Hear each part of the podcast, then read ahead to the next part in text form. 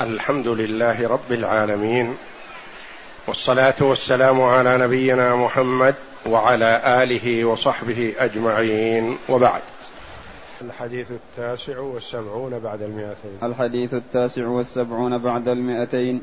عن أبي هريرة رضي الله عنه أن رسول الله صلى الله عليه وسلم قال لا يمنعن جار جاره أن يغرز خشبة في جداره ثم يقول أبو هريرة رضي الله عنه ما لي أراكم عنها معرضين والله لأرمين بها بين أكتافكم.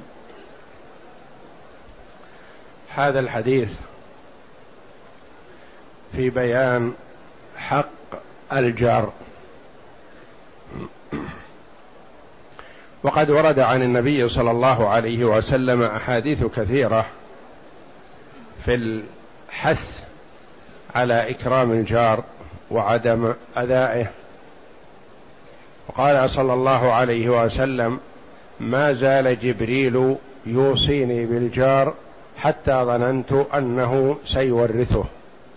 وقال صلى الله عليه وسلم في الحديث المتفق عليه من كان يؤمن بالله واليوم الآخر فلا يؤذي جاره. وقد حث النبي صلى الله عليه وسلم على إكرام الجار وإعطائه حقه وتحمل ما يحصل منه مما لا يريده الإنسان يتحمله لأجل جواره. وكما ورد بأن المسلم إذا كان قريبا وجار فله ثلاثة حقوق. حق الجوار وحق القرابة وحق الإسلام. وإذا كان ليس بقريب في النسب فله حق الجوار وله حق الإسلام. وإذا كان ليس بمسلم فله حق الجوار. حتى وإن كان غير مسلم فله حق الجوار. والمرء يدعو إلى الإسلام غير المسلم بحسن معاملته. وكلما أحسن معاملة غير المسلمين ممن لا يصدر منهم أذى لعموم المسلمين فإنه يدعو إلى الإسلام بهذا الفعل لأنه يشوق الآخرين غير المسلمين إلى الدخول في الدين الإسلامي الذي هذه المعاملة الحسنة صفة أهله. يقول أبو هريرة رضي الله عنه أن رسول الله صلى الله عليه وسلم قال لا يمنعن جار جاره أن يغرز خشبة في جداره.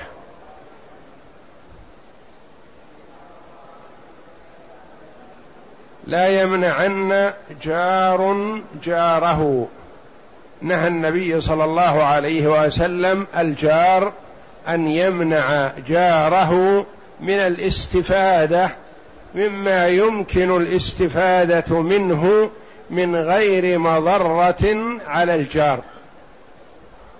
أما إذا كان هناك مضرة فلا يدفع الضرر بالضرر. يروى أن يغرز خشبة في جداره كما هو المثبت عندنا. ويروى أن يغرز خشبه خشبه في جداره جمع خشبة.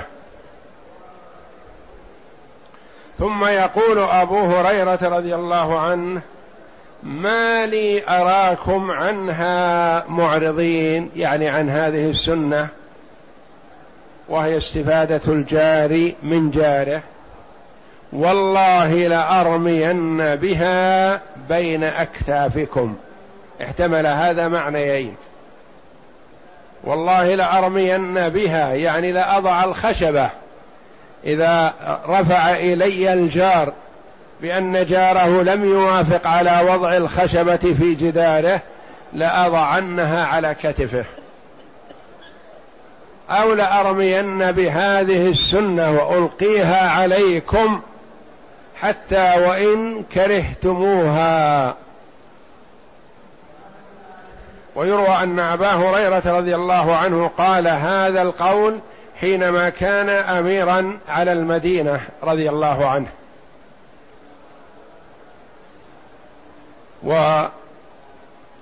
ونص الحديث في الخشبة التي يحتاج الجار أن يضعها في جدار جاره. هذا لفظ الحديث ومفهومه في كل ما يمكن الجار أن يستفيد منه من جاره من غير ضرر على الجار. يروى أن عمر رضي الله عنه طبق هذا على جار أراد جاره أن يجري جدوله جدول ماء يمر بأرض جاره فامتنع الجار. منع جاره من أن يمر جدوله على أرضه. وقال عمر رضي الله عنه لما رفع إليه ذلك وطلب من الجار أن يوافق فأبى فقال والله ليمرن ولو على بطنك. يعني أن هذا مصلحة للجار بدون مضرة عليك فيجعل يمر ليستفيد الجار من جاره. وهذا من حق الجار على جاره.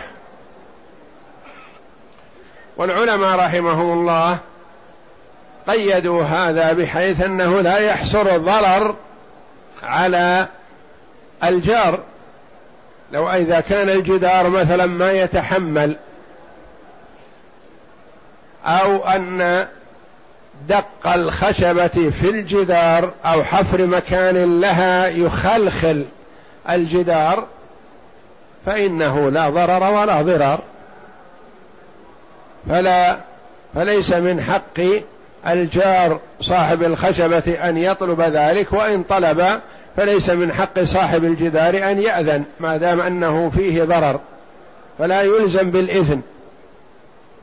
ثم إن العلماء رحمهم الله اختلفوا فيما إذا كان لا ضرر في غرز الخشبة والجار محتاج إلى غرز الخشبة فهل يلزم بذلك أو لا؟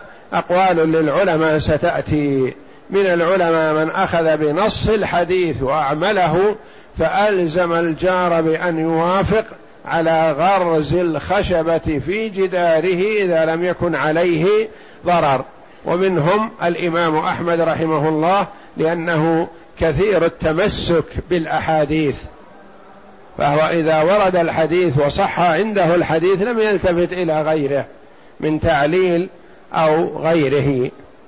ومن العلماء من قالوا هذا على وجه الاستحباب وليس على وجه اللزوم والوجوب فله أن يأذن وله أن يمنع.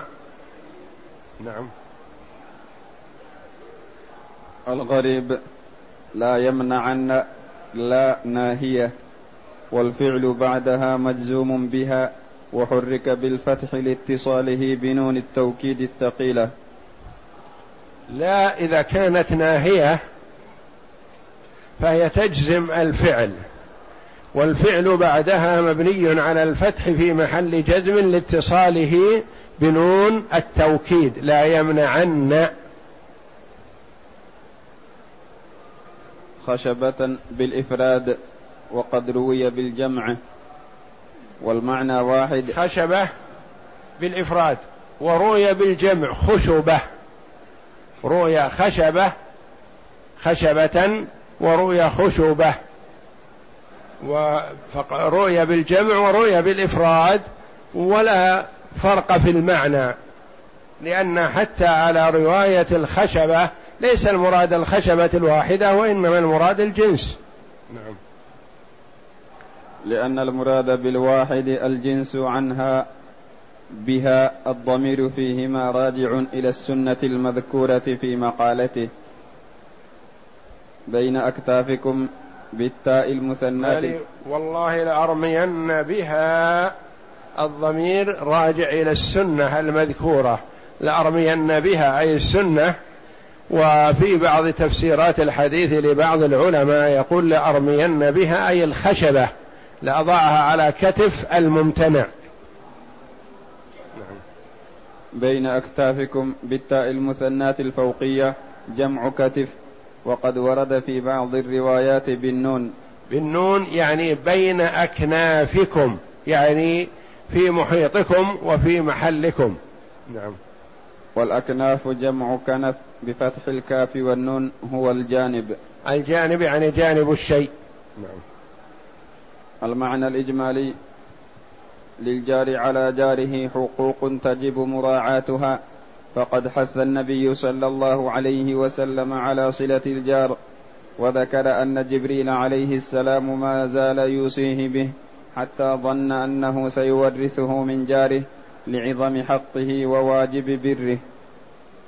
فلهذا تجب بينهم العشرة, العشرة الحسنة والسيرة الحميدة يعني يجب بينهم حسن التعامل والسلام عند اللقيا والدعوة وهكذا والتلطف به والسؤال عن حاله والتحبب إلى الجار مما أمرت به السنة. نعم. والسيرة الحميدة ومراعاة حقوق الجيران. وأن يكف بعضهم عن بعض الشر القولي والفعلي. الشر القولي يعني الكلام والفعلي كأن يطلع عليه أو يسلط أولاده بأن يؤذوه برمي الحصى ونحوه أو رمي الشيء في طريقه أو نحو ذلك من الأذى الذي يكون فعلي وليس بقولي.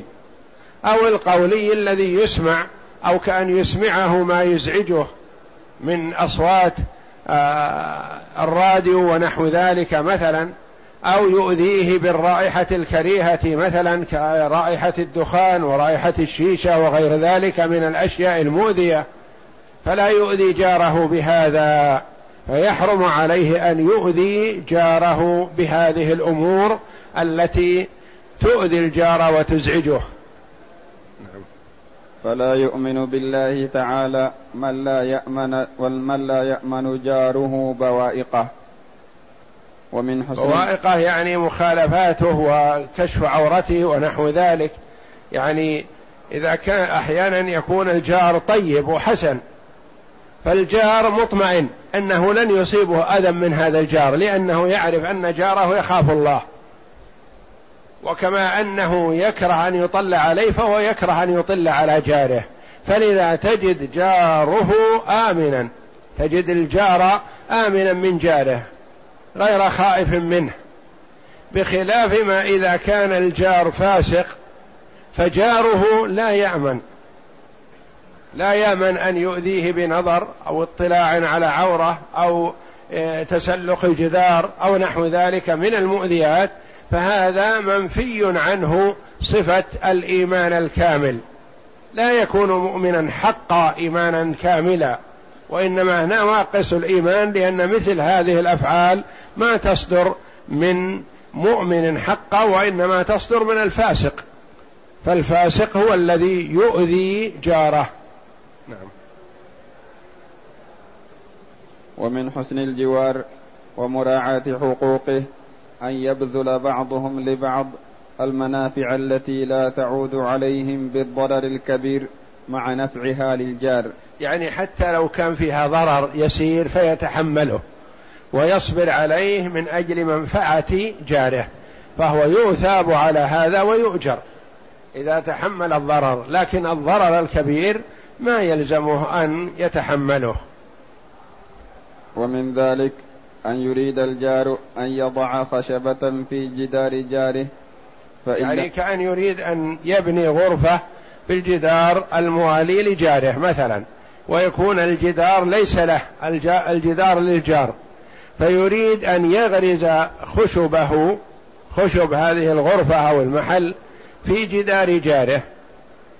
فلا يمنعه من ذلك لأن الجار يستفيد من هذا ويوفر عليه بناء جدار كامل ولا ضرر على الجار الآخر. نعم. فإن لم يكن ثم حاجة إلى ذلك ينبغي لصاحب الجدار أن يأذن له مراعاة لحق الجار. وإن كان ثم حاجة لصاحب الخشب وليس على صاحب الجدار ضرر من وضع الخشب فيجب على صاحب الجدار أن يأذن له في هذا الانتفاع. يعني أحيانا يستحب وأحيانا يجب. يستحب إذا كان الجار صاحب الخشب ليس مضطر لهذا. فيستحب لصاحب الجدار أن يأذن له. أما إذا كان صاحب الخشب مضطر لوضع خشبه على جدار جاره فيجب على صاحب الجدار أن يأذن له في هذا نعم. فيجب على صاحب الجدار أن يأذن له في هذا الانتفاع الذي ليس عليه منه ضرر مع حاجة جاره إليه ويجبره الحاكم على ذلك إن لم يأذن يعني إن لم يأذن بطيب خاطر منه أجبره الحاكم القاضي بأن يغرز بأن يوافق على غرز الخشب في جداره. نعم. والأصل في حق المسلم المنع. الأصل في حق المسلم المنع. يعني ما يلزم المسلم في شيء يضر به أو يلزم بشيء لا يلزمه لكن هذا مما ورد فيه الحديث. ولذا فإن أبا هريرة رضي الله عنه لما علم مراد المشرع الأعظم من هذه السنة الأكيدة استنكر منهم إعراضهم عن العمل بها وتوعدهم بأن يلزمهم بالقيام بها فإن للجار حقوقا فرضها الله تعالى تجب مراعاتها والقيام بها. ما يستفاد من الحديث أولا النهي عن منع الجار أن يضع خشبة على جدار جاره إن لم يكن عليه ضرر من وضعها وكان في الجار حاجة إلى ذلك. يعني لا يمنع الجار جاره من وضع الخشبة. إذا لم يكن عليه ضرر كبير في هذا والجار محتاج إلى هذا الشيء. ثانيا قيد وضع الخشب بعدم الضرر على صاحب الجدار وبحاجة صاحب الخشب لأن التصرف في مال الغير ممنوع إلا بإذنه. يعني هذه قيود أن يكون لا ضرر على صاحب الجدار. الجدار لا تضره هذه الخشب إذا وضعت عليه. وصاحب الخشب منتفع بهذا الشيء. أما إذا كان صاحب الجدار يضره وضع الخشب لأنه معلوم هذا الجدار ليس بالقوي ولا متين ولا يتحمل وعند أقل طق فيه أو حفر أو نحو ذلك سيتخلخل الجدار. يعرف ذلك أهل الصنف؟ فلا يقال يلزم الجار بوضع الخشب وإن تضرر لا. الأصل أنه يمنع الضرر. وإذا كان هناك حاجة لصاحب الخشب ولكن في هذه الحاجة ضرر على صاحب الجدار فلا يزال الضرر بالضرر. لا تزال حاجة صاحب الخشب بمضرة صاحب الجدار. فقد قال عليه الصلاة والسلام لا ضرر ولا ضرار. نعم. فلا يجوز إلا لحاجة من عليه له الحق وهو الجار كما أنه لا يوضع مع تضرره لأن الضرر لا يزال بالضرر. ثالثا هل النهي على وجه التحريم أو الكراهة؟ يأتي بيان ذلك إن شاء الله. يعني هذا النهي لا يمنع عنا جار جارة. هل هذا نهي تحريم يحرم عليه أن يمنعه؟ أم نهي كراهة يكره له أن يمنعه لكن لو منعه لا يقع في الإثم؟ لأن فرق بين النهي نهي التحريم ونهي الكراهة. نهي التحريم يعني يحرم على المرء أن يمنع هذا الشيء. ونهي الكراهة لا يحرم عليه وإنما يكره. فإذا تجنب هذا أجر وإذا وقع فيه فلا إثم. بخلاف نهي التحريم فإذا وقع فيه أثم. رابعا فهم أبو هريرة رضي الله عنه أن الجار متحتم عليه بذل ذلك لجاره ولذلك فإنه استنكر عليهم إعراضهم عن هذه السنة وتهددهم بالأخذ بها. يعني بإلزامهم بها. نعم.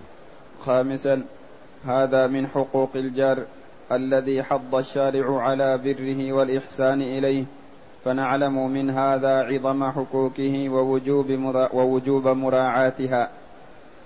ولهذا فإنه يقاس على وضع الخشب غيره من الانتفاعات التي يكون يقاس على وضع الخشب غيره من المنافع. مثلا إذا كان الجار له منفعة في شيء مما يتعلق بجاره من غير مضرة على الجار فينبغي أن يوافق على هذا. مثلا جدار الجار مثلا ارتفاعه ثلاثة أمتار. يريد أن يضع عليه فوقه جدار فوقه أعلى ليستره أكثر مثلا. فالأسفل ملك للجار والأعلى ملك لهذا الجار الآخر يريد زيادة الستر فلا يمنعه إذا لم يكن عليه ضرر. أما إذا كان عليه ضرر في هذا فيمنعه بخلاف ما إذا أراد أن يفتح نافذة على جدار جاره مثلا فقد يتضرر بهذا إذا كان مثلا الجار يواليه غرفة بينما الآخر يواليه فضاء فيريد أن يفتح الجار صاحب الغرفة من جدار جاره آه، نافذة يأتيه منها الهواء فهذا فيه مضرة على صاحب الجدار فلا يوافقه على هذا.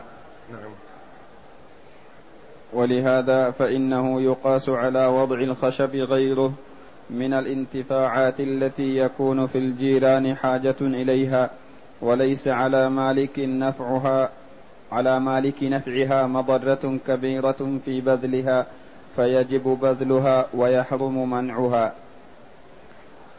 ومثل ذلك كأن يكون عنده مجرى ماء مثلا ويستفيد. من من هذا المجرى يأخذ منه ولا يضره ولا ينقصه مثلا. أو يكون تصريف الفضلات والأشياء مثلا لها مجرى عند الجار وهذا الجار الجديد يستفيد من هذا المجرى في تصريف فضلات مائه مثلا ولا مضرة على صاحبه الأول. ومثل هذا كثير من المنافع التي يستفيدها الجار من جاره من غير مضرة على المالك الأول.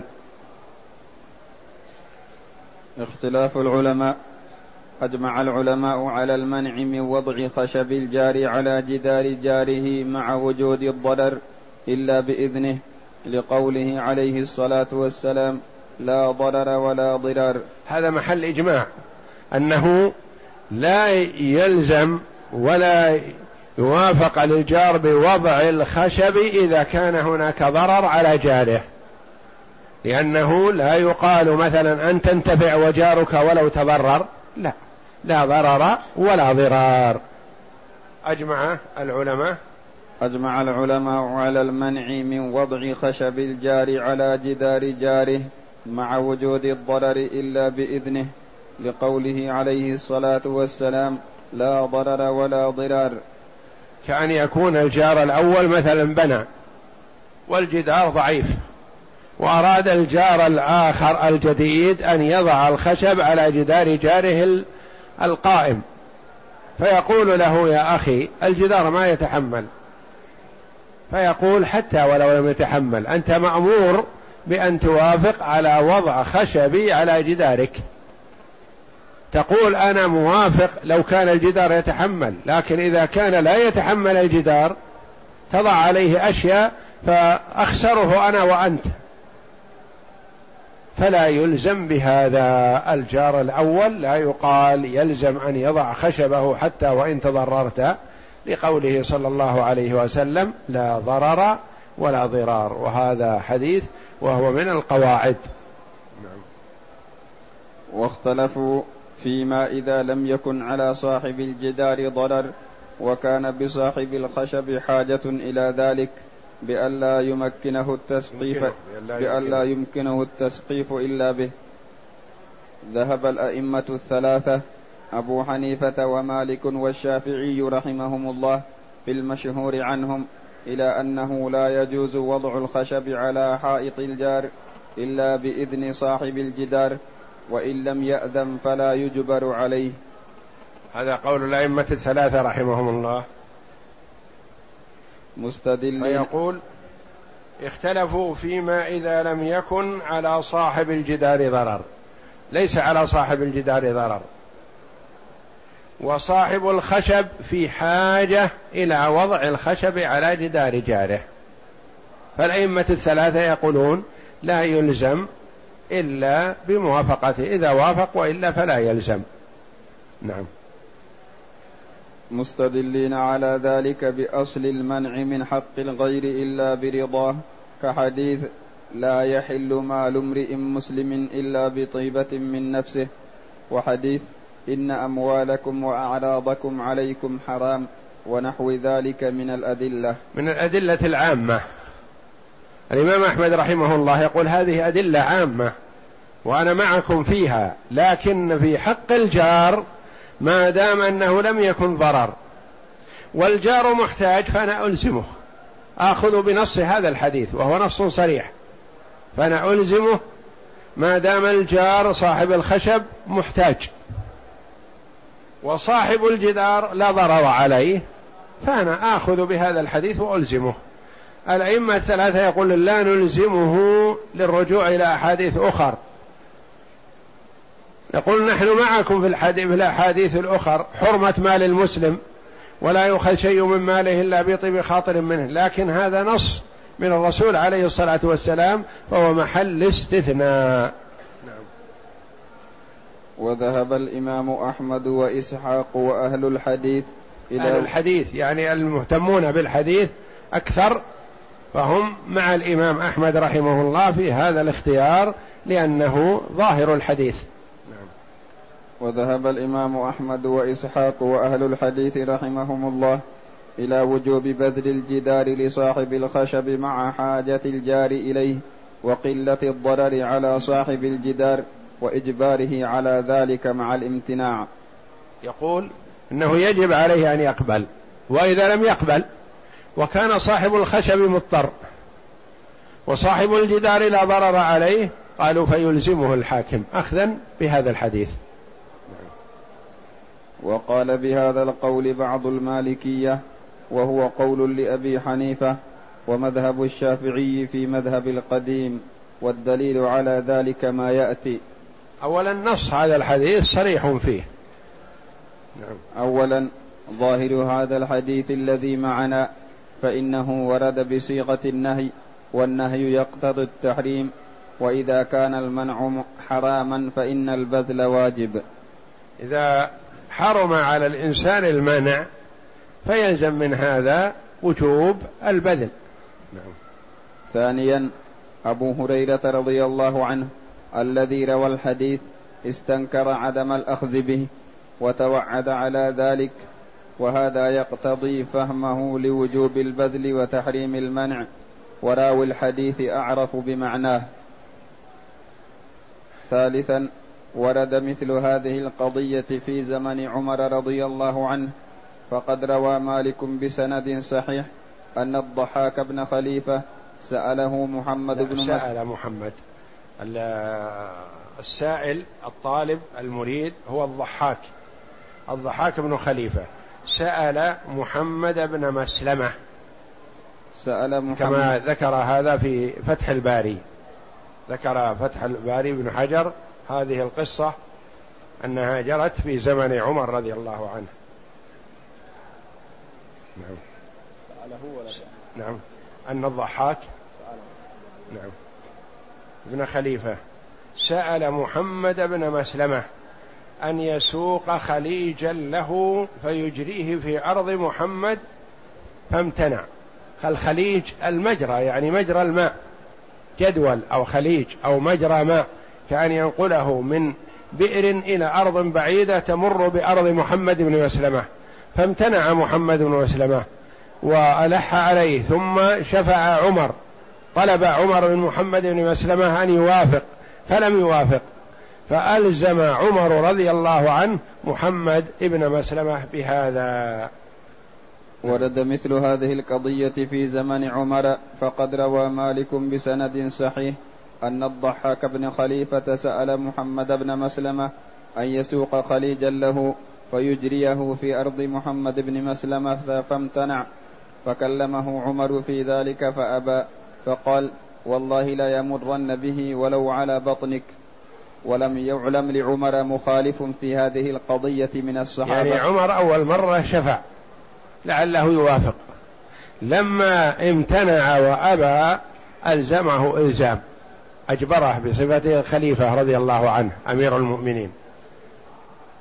ولم يعلم لعمر مخالف في هذه القضية من الصحابة لأن الصحابة رضي الله عنهم إذا سمعوا شيئا لا يقرونه أنكروه ما يسكتون على خلاف الحق. فلو أن بعض الصحابة يرى أن عمر ظلم محمد بن مسلم بهذا لقالوه. قال ولم يعرف في زمنه أن أنه وجد من خالف عمر في هذا. نعم. ولم يعمل ولم يعلم لعمر مخالف في هذه القضية من الصحابة فكان اتفاقا منهم على ذلك.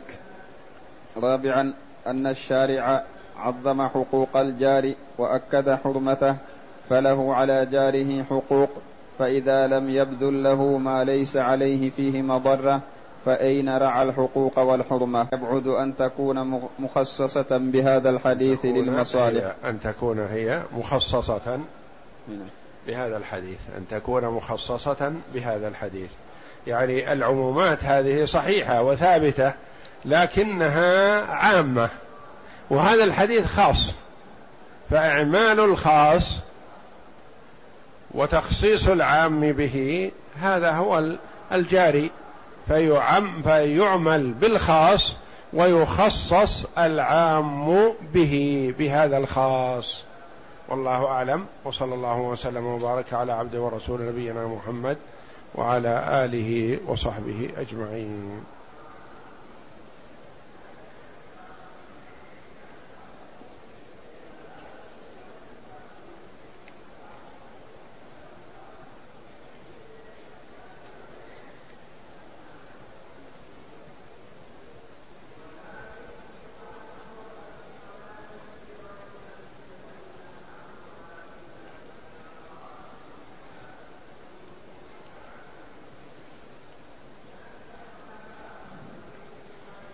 يقول السائل إذا تمزق الرداء أو الإزار ثوب الإحرام وقام بخياطة ما تمزق هل تعتبر هذه من الخياط أو مخيط؟ هل يعتبر هذا الثوب مخيطا؟ لا مثل هذا لا يعتبر مخيط. إذا انشق الإحرام مثلا الإزار أو الرداء شق في الوسط ثم خيط هذا الشق. هذا لا يعتبر مخيط إنما المخيط ما خيط على قدر العضو. ومثل لو خيط طرفه عن التهلع وتسلل الخيوط فثني طرفه وخيط هذا لا يضر. وإنما الممنوع الخياطة على قدر العضو أو الجسم مثل الفنيلة مخيطة على قدر الصدر. مثلا السروال مخيط على أسفل على قدر أسفل العضو. القميص مخيط على قدر الثوب. لكن لو اتزر بالقميص ما وجد إلا ثوبه يتزر به فلا بأس. لأنه ما لبسه وإنما اتزر به اتزارا.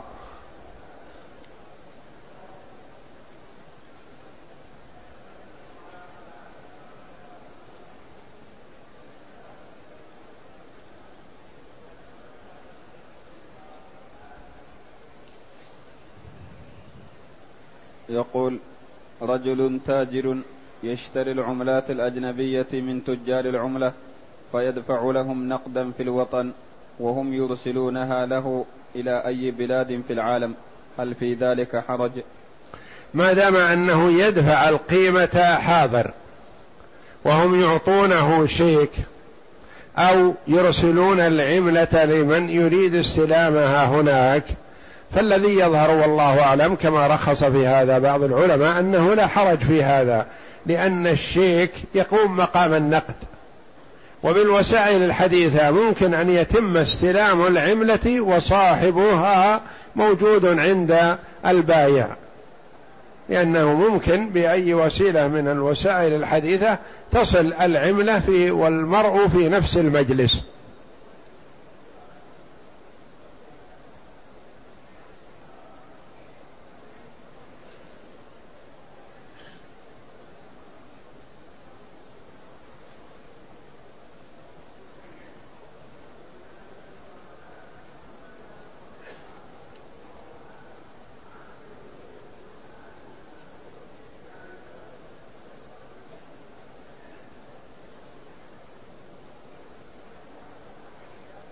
يقول رجل أدرك الإمام في الركوع ثم كبر وركع وفي نيته أنه لم لم يدخل في الصلاة.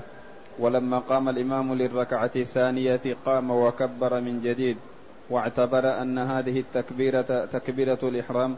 ولما انتهى الإمام من الصلاة وسلم قام الرجل وأدى الركعة الباقية. فهل هذه زيادة في الصلاة؟ إذا كان أدرك الإمام في الركوع اجتمع هو والإمام في الركوع ولو قليل.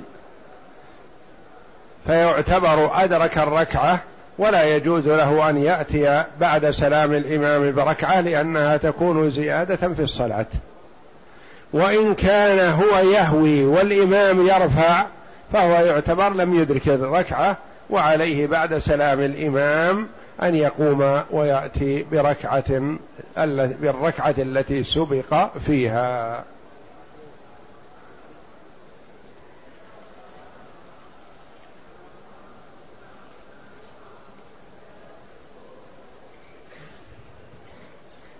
يقول امرأة توفيت وعمرها عشرون سنة ولم تصل يوما ولها ولد فهل يجوز أن يحج عنها؟ إذا كانت بلغت العشرين سنة ولم تصلي يوما ما فهذه ليست مسلمة والعياذ بالله. ولا يجوز أن يحج عنها. لأن النبي صلى الله عليه وسلم قال العهد الذي بيننا وبينهم الصلاة فمن تركها فقد كفر. بين الرجل وبين الكفر أو الشرك ترك الصلاة. والله جل وعلا يقول فإن تابوا وأقاموا الصلاة وآتوا الزكاة فخلوا سبيلهم. يعني ما يقاتل الذي يصلي. معناه الذي لا يصلي يقاتل. ويقول جل وعلا فإن تابوا وأقاموا الصلاة وآتوا الزكاة فإخوانكم في الدين. فمعناه أن من لم يصلي ليس بأخ لنا في الدين وهو عدو والعدو الكافر والمسلم ليس بعدو للمسلم المسلم أخو المسلم. فتارك الصلاة والعياذ بالله حتى وإن كان ذلك تهاونا وكسلا فإنه كفر كما هو رأي كثير من الصحابة رضي الله عنهم فمن بعدهم من علماء المسلمين.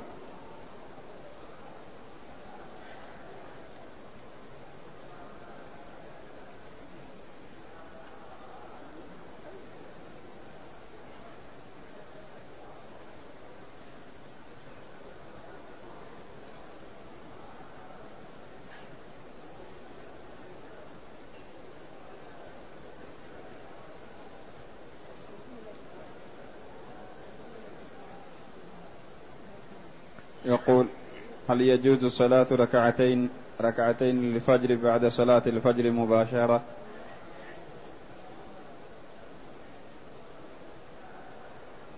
يقول هل يجوز صلاة ركعتي الفجر بعد صلاة الفجر مباشرة؟ يجوز هذا نعم. فالذي فاتته ركعة الفجر لتأكدهما هو بالخيار. إن شاء صلاهما بعد صلاة الفجر وإن شاء أخرهما إلى ما بعد طلوع الشمس وارتفاعها قدر رمح ثم يصليهما. وهذا أفضل خروجا من الخلاف. والأول له دليل أن النبي صلى الله عليه وسلم رأى رجلين قاما بعد الصلاة فصلى فصليا ركعتين. فقال لهما النبي صلى الله عليه وسلم أصلاة الفجر أربعة؟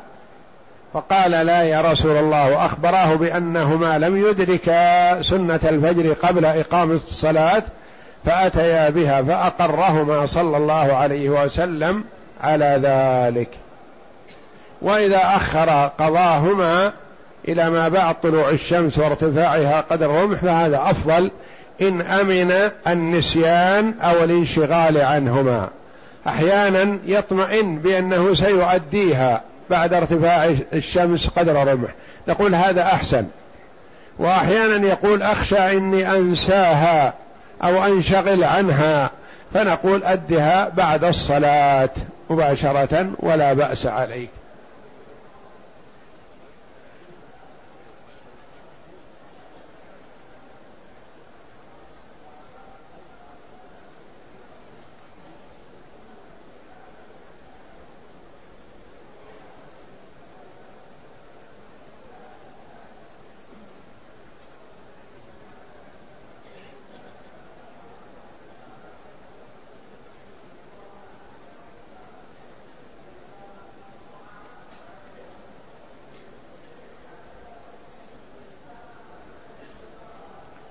يقول هل للسفر حد بالمدة أو بالمقدار؟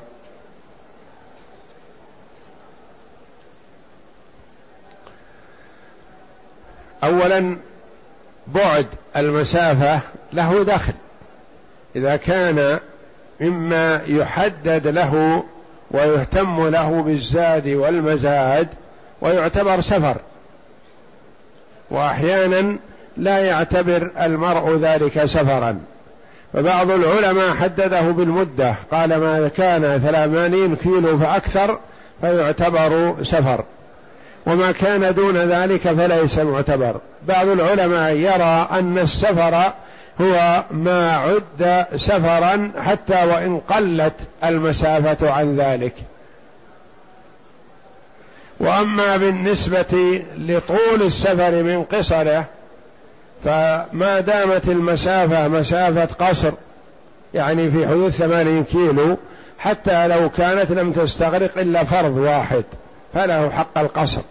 لو مثلا أراد أن يسافر مثلا من جدة إلى الرياض مثلا وسافر قبل الظهر ووصل الرياض مثلا وانتهى غرضه وعاد قبل العصر لبلده فيقصر صلاة الظهر وإن لم يطل وقت السفر وزمنه.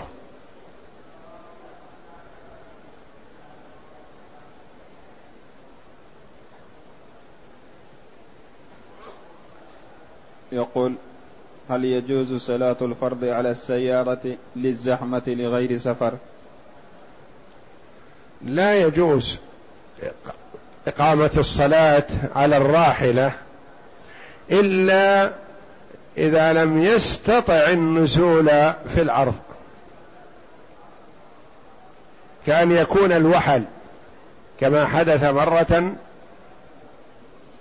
إلى النبي صلى الله عليه وسلم كان الأرض وحل فما استطاعوا أن ينزلوا فتقدم صلى الله عليه وسلم وصلى بهم على الراحلة وهم على رواحلهم. وأما النافلة فتجوز مطلقا سواء كان هناك حاجة وضرورة أو لم تكن.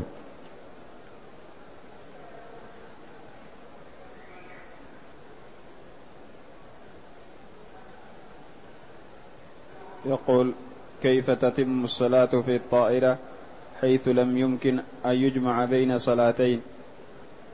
وهل يجب القضاء؟ لا يجوز للمرء أن يؤخر الصلاة عن وقتها إذا لم يكن ممكن جمعها مع التي بعدها. أما إذا كان يمكن جمعها مع التي بعدها فيجمع ويؤخر. فإذا كانت مما لا يمكن جمعه مع ما بعده فيجب عليه أن يؤديها. إن استطاع قائما وصلى جماعة وإن لم يستطع قائما صلى قاعدا. إن استطاعوا جماعة وإلا فرادا المهم أن لا تؤخر الصلاة عن وقتها. فمثلا إذا كان ركوبه بالطائرة مثلا قبل طلوع الفجر ويعرف أن الطائرة لا تنزل إلا بعد طلوع الشمس. ففي هذه الحال يكون وقت الفجر كله وهو في الطائرة. فلا يجوز له أن يؤخر صلاة الفجر إلى ما بعد طلوع الشمس. ولا يجوز له أن يصلي صلاة الفجر قبل طلوع الفجر. فيلزمه في هذه الحال أن يصلي الفجر بالطائرة. ويجب عليه أن يصلي على أي حالة أمكنه ذلك. بخلاف الصلاة التي يمكن أن تجمع فمثلا ركب الطائرة قبل المغرب ويعرف أن الطائرة لا تنزل إلا الساعة 12 ليلا مثلا منتصف الليل. نقول لا بأس عليك إن تمكنت من الصلاة في الطائرة فحسن وإن لم تتمكن فتؤخر صلاة المغرب مع صلاة العشاء وتصليها في وقت صلاة العشاء. تصليها في وقت قبل وقت الضرورة. وإذا احتج احتجت إلى تأخيرها إلى وقت الضرورة فكذلك لا بأس عليك.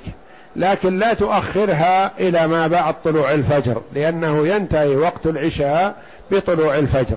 فلا تؤخر عن وقت العشاء وقت الضرورة. والعشاء له وقتان وقت اختيار ووقت ضرورة. ووقت الاختيار إلى منتصف الليل الأول أو إلى ثلثه الأول ووقت الضرورة منه إلى طلوع الفجر.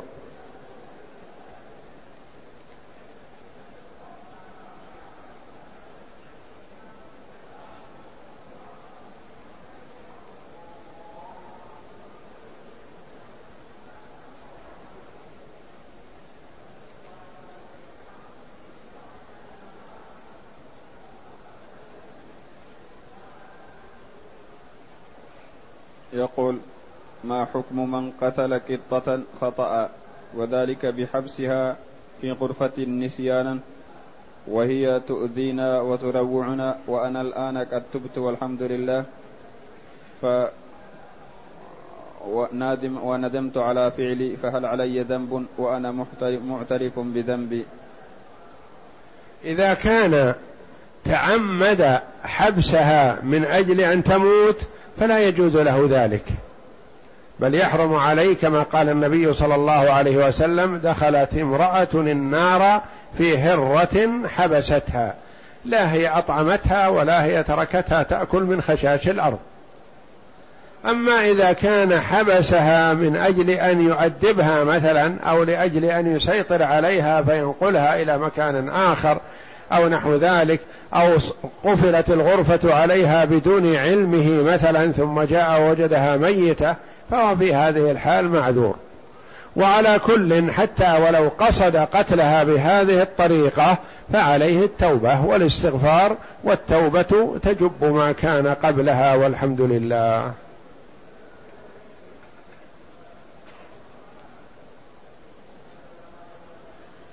يقول كيف نعامل الجار المسلم الذي لا يصلي؟ هل نعامل كجار الكافر؟ نناصحه.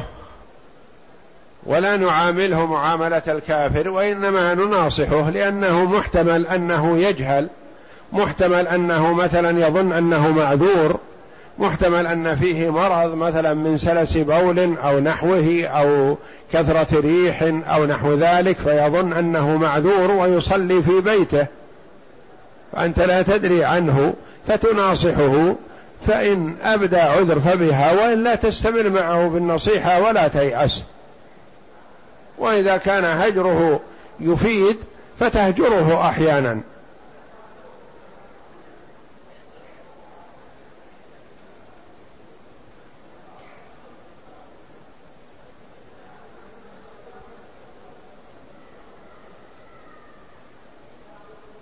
يقول ما حكم من ذهب لزيارة جبل ثور ولماذا سمي بهذا الاسم؟ إذا ذهب لزيارة جبل ثور أو جبل الرحمة أو غار حراء أو غيرها من الآثار إذا ذهب لزيارة هذه الأماكن على سبيل التعبد تعبد لله جل وعلا فهذا لا يجوز ويعتبر محرم لأنه ابتدع في الدين ما ليس منه. أما إذا كان ذهب للاطلاع ورؤيه جبل عرفة ليراه ويرى عرفة حال خلوها من الناس. على سبيل الاطلاع لا على سبيل التعبد. أو ذهب ليطلع على غار ثور أو غار حراء مثلا على سبيل الاطلاع والرؤية. فلا بأس بهذا لأنه لم يرد فيه منع وما ذهب من أجل التعبد. أو ذهب مثلا من أجل أن يطلع على الجمرات. في حال خلوها من الناس وليتعرف عليها لا على سبيل العبادة وإنما على سبيل الاطلاع فلا بأس بهذا لا ينهى عن هذا. أما إذا ذهب إلى الجمرات من كعبادة يتعبد الله جل وعلا بذهابه لزيارة الجمرات ونحو ذلك فهذا لا يجوز.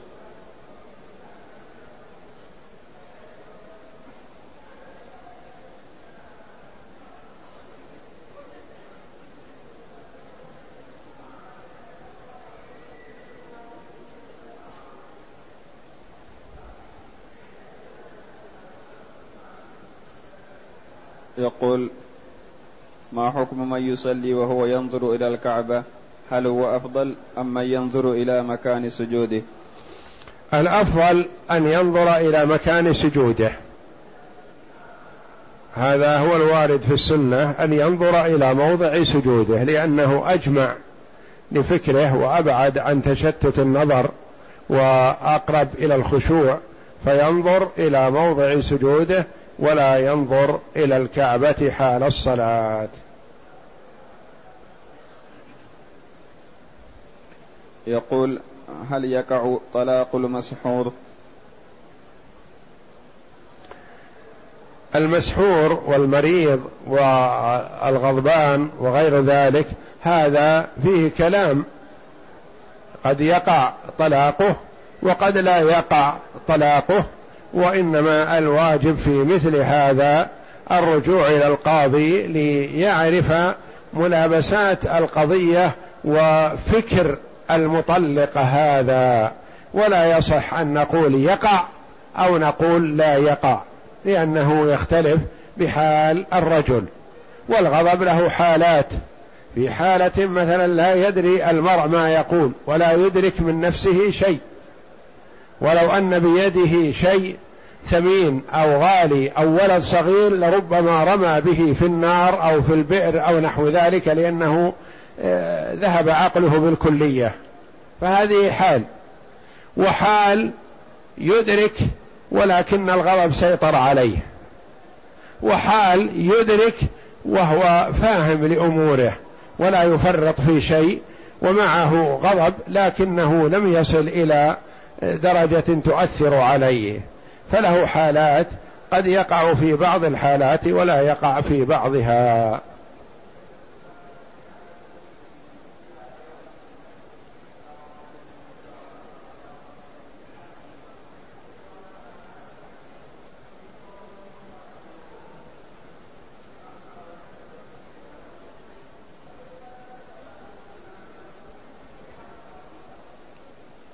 يقول تقول امرأة اعتمرت في رمضان وأظهرت عيناها فقط ولم تكشف عن الوجه كاملا والكفين رغم أنها تعلم أن المرأة في الإحرام تكشف الوجه والكفين ولكنها أخذت بحديث أم المؤمنين عائشة رضي الله عنها فما حكم العمرة؟ وهل عليها كفارة؟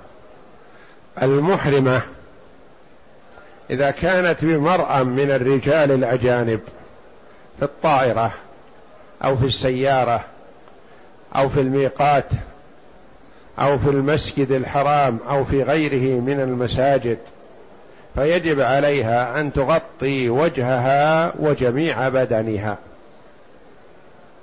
أما إذا كانت في غير مرأى من الرجال الأجانب بعيدة عن الرجال الأجانب فتكشف عن وجهها ولا تغطي وجهها. ثم إذا غطت وجهها في هذه الحال وليس عندها رجال أجانب جهلا أو نسيانا فلا فدية عليها في هذا. وإذا غطت وجهها تعمدا بلا جهل ولا نسيان وليس عندها رجال أجانب فعليها فدية ذلك وهو إطعام ستة مساكين أو صيام ثلاثة أيام أو ذبح شاة. أما إذا كان عندها رجال أجانب فيجب أن تغطي وجهها وجميع بدنها سواء كانت محرمة أو غير محرمة. لقوله صلى لقول عائشة رضي الله عنها كنا مع النبي صلى الله عليه وسلم محرمات. فإذا حاذوا بنا الرجال الرحال سدلت إحدانا جلبابها على وجهها فإذا جاوزونا كشفناه. فكنا رضي الله عنهن مع النبي صلى الله عليه وسلم محرمات أمهات المؤمنين في حجة الوداع. فإذا حاذوا الرجال الرحال يعني ساووها سدلت تقول إحدانا جلبابها على وجهها يعني غطت وجهها. فإذا جاوزونا وكان لم يكن عندنا وحولنا رجال أجانب كشفت عن وجهها.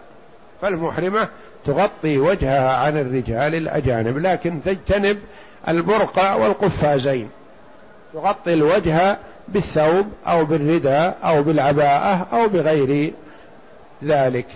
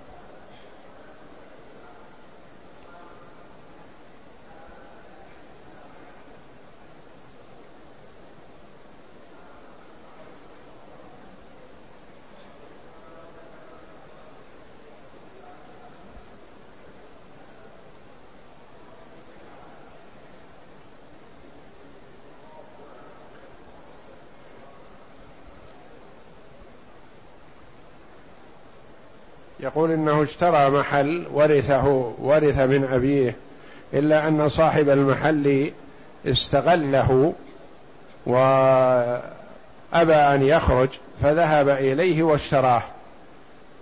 بعد أخذ ورد ولم يخبر بهذا إخوانه وهم راضين بشرائي. هذا إذا كان إذا رضيت بهذا ومن أجل الا يكون هناك خصام شديد وأعطيت الرجل الذي ساكن في هذا المحل شيئا من أجل أن يخرج ويسلمك الدكان فهذا من الإصلاح ومن كف الأذى وإزالة الخصام وهو لا يحل له أن يأخذ القيمة وهو يعلم أنه لكم ثم إذا أخذته أنت بهذا الشراء الذي تعلم أنه من تركة أبيك فلا يحل لك أن تنفرد به.